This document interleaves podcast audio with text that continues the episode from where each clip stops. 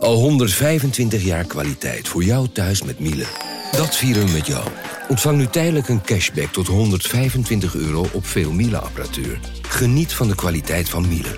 Voor perfect verzorgd wasgoed en kleding die veel langer mooi blijft.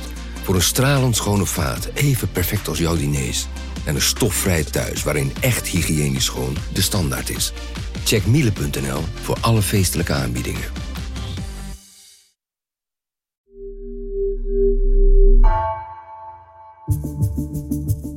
Vanaf de redactie van NRC het verhaal van vandaag. Mijn naam is Egbert Kalsen.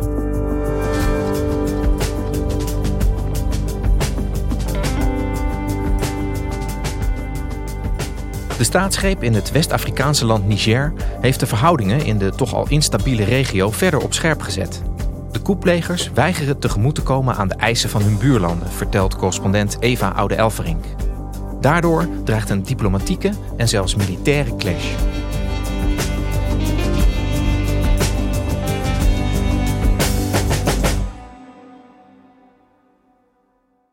Anderhalve week geleden uh, zagen we in één keer allerlei berichten verschijnen op sociale media. Best wel verontrustende berichten over dat uh, Nigers president Mohamed Bazoum gevangen zou worden gehouden op zijn presidentieel paleis.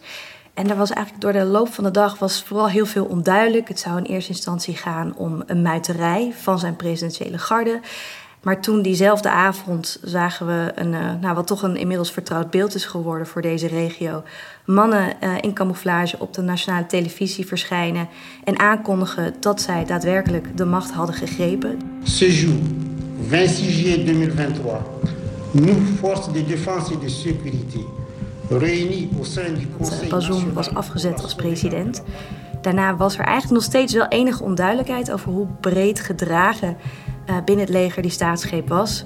Maar die twijfels werden weggenomen toen uh, de nieuwe sterke man zichzelf presenteerde op nationale televisie. Mes chers compatriotes, les forces de défense et de sécurité regroupées au sein du Conseil national pour la sauvegarde de la patrie de nieuwe leider Abdulrahman Chiani. Ont mis fin au régime de la 7e République.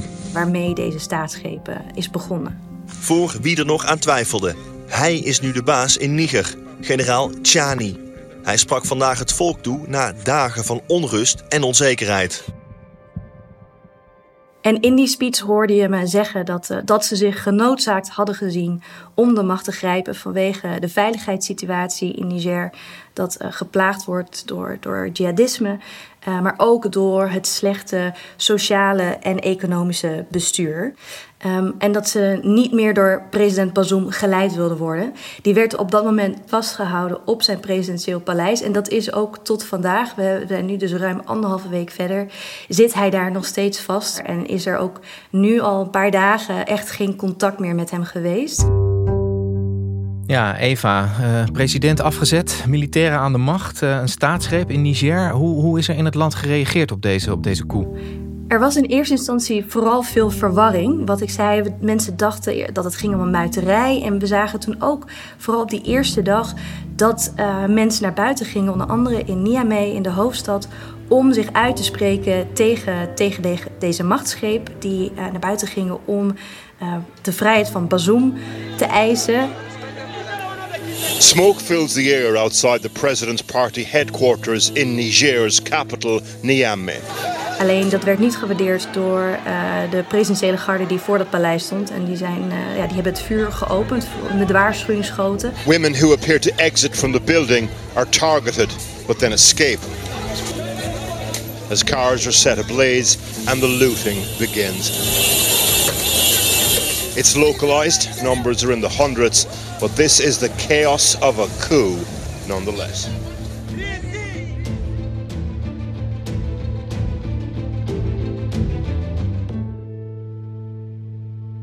In de dagen daarna zagen we ook nog wel van dat soort demonstraties elders in het land, wat kleinere demonstraties. Maar wat we vooral zagen is dat vooral heel veel mensen de straat op gingen om hun steun uit te spreken voor de staatsgreep. Dat je vooral die mensenmassa's op straat zag, uh, schreeuwend eigenlijk dat ze blij waren met, wat, met de val van het regime.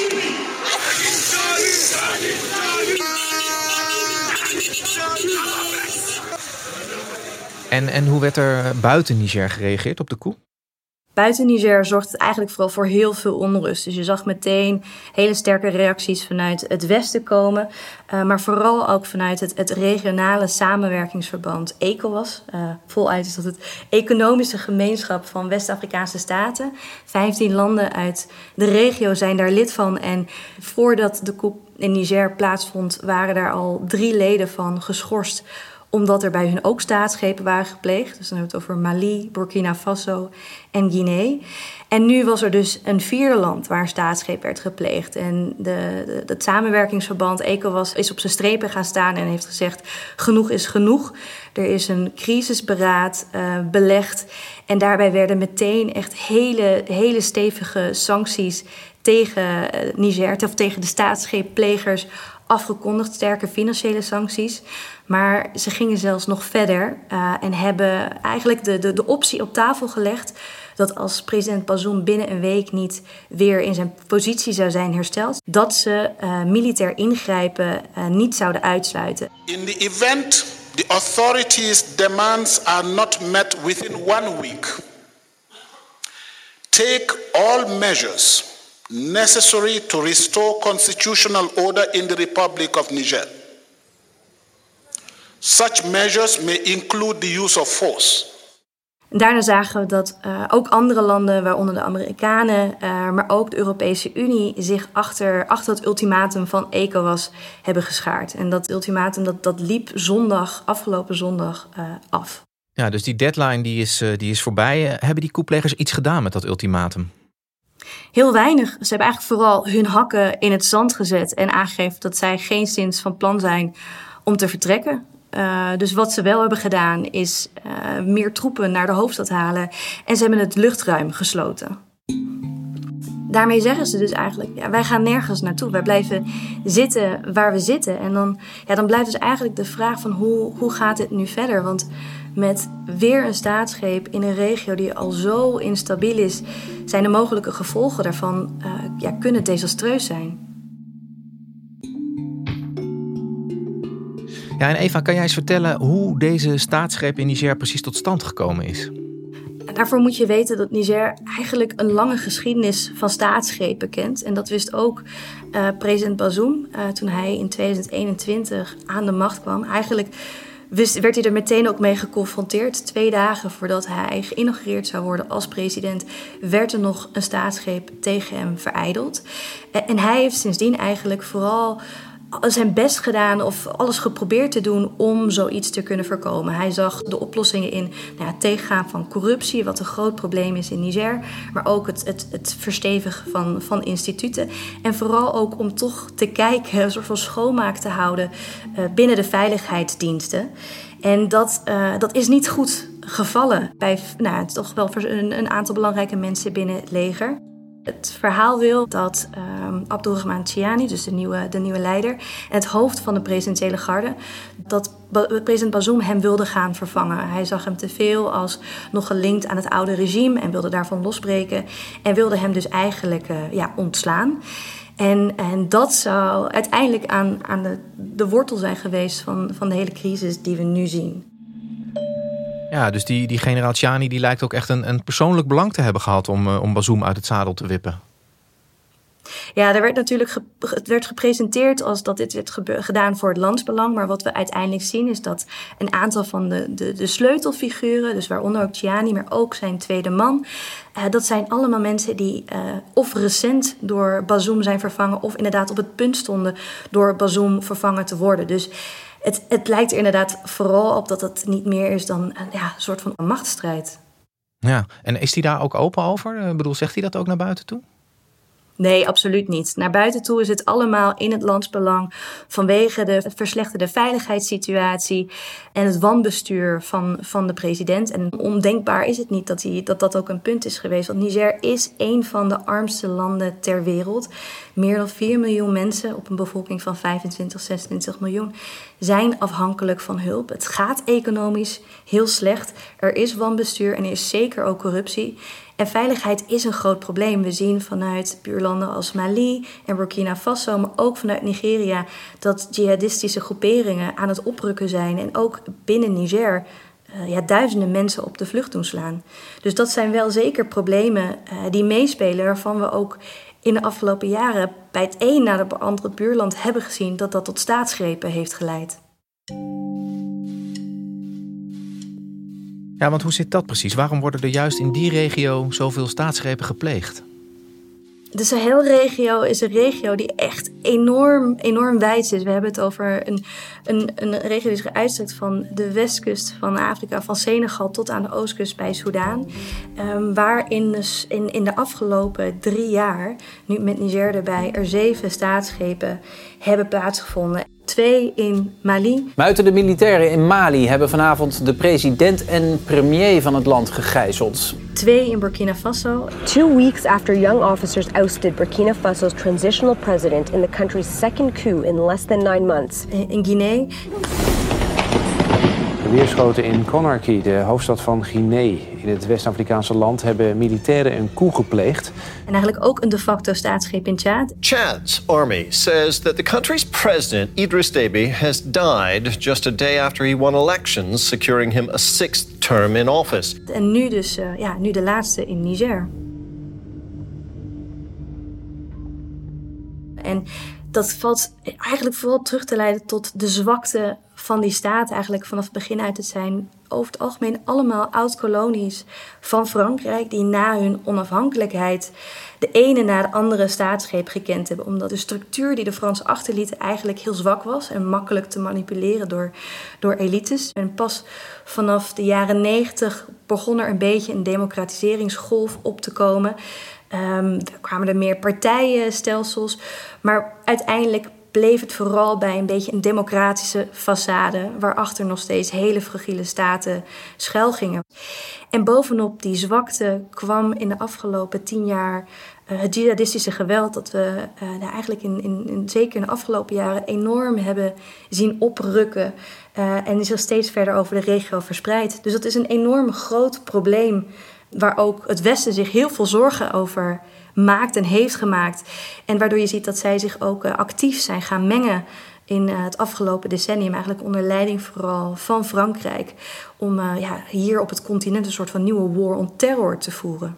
De, de oorlog tegen terrorisme, die ook daar voet aan de grond heeft gekregen, hoe, hoe zit dat precies? Kan je dat uitleggen? Ik denk dat het Westen sinds de aanslagen van 11 september hyper alert is geweest natuurlijk op het gevaar van, van jihadisme, oprukkend jihadisme. En dat eigenlijk op alle fronten heeft willen bestrijden. En daarbij dus natuurlijk ook uh, heeft gezien wat er begon te borrelen op het, uh, op het Afrikaanse continent in de Sahel. Dat begon uiteindelijk vooral in, in Mali in 2013, waar we zagen dat een opstand van Tuareg-rebellen werd gebruikt door jihadisten die daar een opening in zagen om eigenlijk op te rukken uh, in, in Mali. Um, destijds werd toen de hulp van de Fransen ingeroepen. En die hebben met een militaire interventie in eerste instantie die, die opmars kunnen stoppen. En de Fransen zijn daarna gebleven in een poging om die opmars echt blijvend te stoppen. Daarbij hebben zich ook andere westerse landen, Europese landen, maar ook de Amerikanen gemeld. Er zijn trainingsmissies opgezet. Er zijn miljoenen gepompt, niet alleen in Mali, maar ook in omliggende landen, om die nationale legers eigenlijk te versterken. Um, wat niet heeft kunnen voorkomen dat die jihadisten uh, alsnog sterker zijn geworden, zich, steeds verder zijn gaan uitbreiden. Maar wat wel als een soort van neveneffect heeft gehad, dat die legers uh, veel meer politieke invloed hebben gekregen. En dat heeft ertoe geleid dat in het ene na het andere land uiteindelijk die legers ook de macht hebben gegrepen. Ja, dus, dus wat we nu zien in Niger past eigenlijk in een bredere trend, als ik jou goed begrijp. Ja, ze noemen het ook wel het, het, het contagion effect. Dus de ene, ene staatsgreep steekt de andere aan. En dat is precies wat we in korte tijd hebben gezien. Met Mali en Burkina Faso uh, en nu in Niger. Ja, hoe kijken die landen eigenlijk aan tegen die bemoeienis van Frankrijk? Heel, heel negatief eigenlijk. Er speelt onder dit alles ook een heel sterk anti-koloniaal sentiment. Je ziet in deze hele regio dat er een enorme vermoeidheid is onder, onder de bevolking van al deze verschillende landen over de bemoeienis die zij nog steeds ervaren van Frankrijk. Niet alleen met hun politiek, maar ook met hun veiligheid, met hun economie. En daar zijn mensen heel, echt heel erg klaar mee. En dat is ook de knop waar je ziet dat de militairen in Mali, in Burkina Faso en nu ook in Niger op drukken. Eigenlijk op die, die vermoeidheid van die Franse, die Franse aanwezigheid, de, het wantrouwen richting de Fransen. Nou, je ziet dat die frustratie van de bevolking, dat dat onder andere in, in Mali en Burkina Faso, dat dat, en nu ook voorzichtig in Niger, dat dat leidt tot een soort van tegenreactie van we willen Frankrijk niet. Wij willen geholpen worden door Rusland, omdat ze Rusland, hoe, hoe cynisch gezien dat voor ons misschien in het Westen ook is, juist zien als een, een anti-imperialistische macht die hun eh, ten tijde van de onafhankelijkheidsbewegingen in Afrika heeft geholpen. En die zij zien als een veel eerlijkere partner dan de Fransen. Dus in Mali hebben hebben al gezien dat de, de Franse troepen die daar de deur zijn uitgezet, zijn vervangen door huurlingen van de Wagnergroep. En we zien ook in Niger nu heel voorzichtig uh, bij die demonstraties, waarbij eigenlijk het vertrek van Frankrijk wordt geroepen, geëist door de demonstranten, dat er hier en daar ook uh, ja, Russische vlaggen uh, wapperen. Ja, Niger is dus zeker niet het eerste land wat, uh, wat met een staatsgreep uh, geconfronteerd wordt in die regio. Kun jij nou op basis van de ervaringen van die andere landen iets zeggen over hoe dit zich gaat ontwikkelen? Nou, we hebben nu ECOWAS gehoord, die, uh, die eigenlijk hebben gedreigd met bereid te zijn om alle, alle mogelijke middelen in te zetten. Er zijn nu al hele zware sancties opgelegd. En wat blij, overblijft is een, een militaire interventie, wat heel ver zou gaan maar niet, uh, niet uitzonderlijk is. Het is eerder gebeurd, voor de laatste keer in 2017 in Gambia, toen de dictator die daar aan de macht was uh, niet wilde vertrekken naar verkiezingen. Toen is er een troepenmacht van ECOWAS, is de grens overgestuurd en eigenlijk alleen al ja, die dreiging, die aanwezigheid was genoeg om, uh, ja, om, om dus die dictator Yahya Jammeh, om, om hem te doen vertrekken. Maar ja, Gambia is een piepklein land met een, een heel klein leger en totaal onvergelijkbaar met Niger, wat juist een van de grootste landen in de regio is. Met een leger dat mede door alle westerse steun in de afgelopen jaren echt wel heel sterk is en ook, ook goed bewapend. Dus dan, ja, daarmee dreigt toch wel echt een, een, een vrij desastreus conflict voor de hele regio. Ja, want kan jij eens vertellen, wat zouden de gevolgen zijn van een militaire ingreep in Niger? Ja, dat is mogelijk desastreus, want dan heb je het echt over een regionaal conflict waarin heel veel landen meegesleept gaan worden. Je hebt nu al dat eh, Mali en Burkina Faso, uh, de buurlanden van Niger, hebben aangegeven dat zij zo'n zo'n interventie als een persoonlijke oorlogsverklaring zouden, zouden ervaren. En dus zich naast de militairen in Niger zouden scharen om terug te slaan. En dat betekent dat je de landen waar op dit moment eigenlijk die, die jihadistische dreiging het allergrootste is, dat die nationale legers zich gaan bezighouden met ja, een conflict met, met buurlanden. En wat er dan ontstaat is een vacuüm waarin je nu al ziet dat die terreurgroepen daar enorm profijt van kunnen trekken en hun opmars eigenlijk nog verder door kunnen zetten. En dat is natuurlijk ook iets waar vanuit het Westen erg voor wordt gevreesd, dat die terroristische dreiging alleen nog maar groter gaat worden. En daarmee de hele destabilisatie van de regio, waar ook nou ja, andere criminelen en smokkelaars profijt van kunnen gaan trekken. Niger was een heel belangrijk land voor, voor Europa om deals mee te sluiten om migratie tegen te gaan. Ja, het is nog maar de vraag überhaupt wat van de, dat akkoord overblijft. Dus er zijn allemaal belangen mee gemoeid die veel verder gaan dan de grenzen van Niger. Ja, en intussen houdt um, ECOWAS de optie voor militair ingrijpen dus nog wel nadrukkelijk open. Wat, is nou de kans dat ze dat daadwerkelijk gaan doen, denk jij? Ja, dat is echt heel lastig om te zeggen. We zien dat er vanuit de ECOWAS-landen zelf uh, veel druk is op een regering om niet zo ver te gaan. En eigenlijk ook dat die leiders zelf nu nog de voorkeur willen geven aan een diplomatieke oplossing. Dus daar wordt nu toch echt nog wel vooral alle nadruk op gelegd. Afgelopen dagen was er een, een vrij belangrijke delegatie vanuit de Verenigde Staten uh, in Niamey. De VS is een hele belangrijke partner van Niger. Die hebben geprobeerd met hun te spreken. Komende donderdag is er, uh, is er weer een, een bijzondere top, een spoedtop van ECOWAS. En ik denk dat we dan zullen zien wat voor, ja, wat voor stappen ze verder willen nemen. Ja, en Eva, dit gebeurt allemaal over de hoofden van, uh, van de inwoners van Niger heen. Hoe, hoe is het voor hen om dit allemaal zo mee te maken? We zien dat de sancties die zijn opgelegd, dat die de bevolking het hardste van alle raken. Dus het zijn hele zware economische sancties uh, geweest. Dus de grenzen zijn gesloten, waarmee eigenlijk alle handel is stilgelegd. Reserves zijn ontoereikbaar, dus mensen kunnen niet overal pinnen. Um, en dat heeft ertoe geleid dat we uh, in anderhalve week tijd dat de prijzen op de markt voor voedselproducten, maar ook andere producten, enorm zijn gestegen.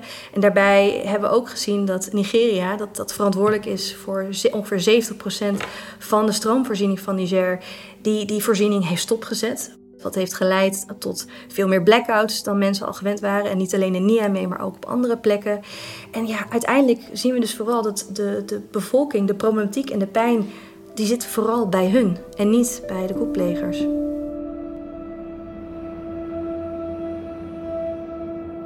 Eva, dankjewel. Jij bedankt, Egbert. Je luisterde naar vandaag, een podcast van NRC. Eén verhaal, elke dag.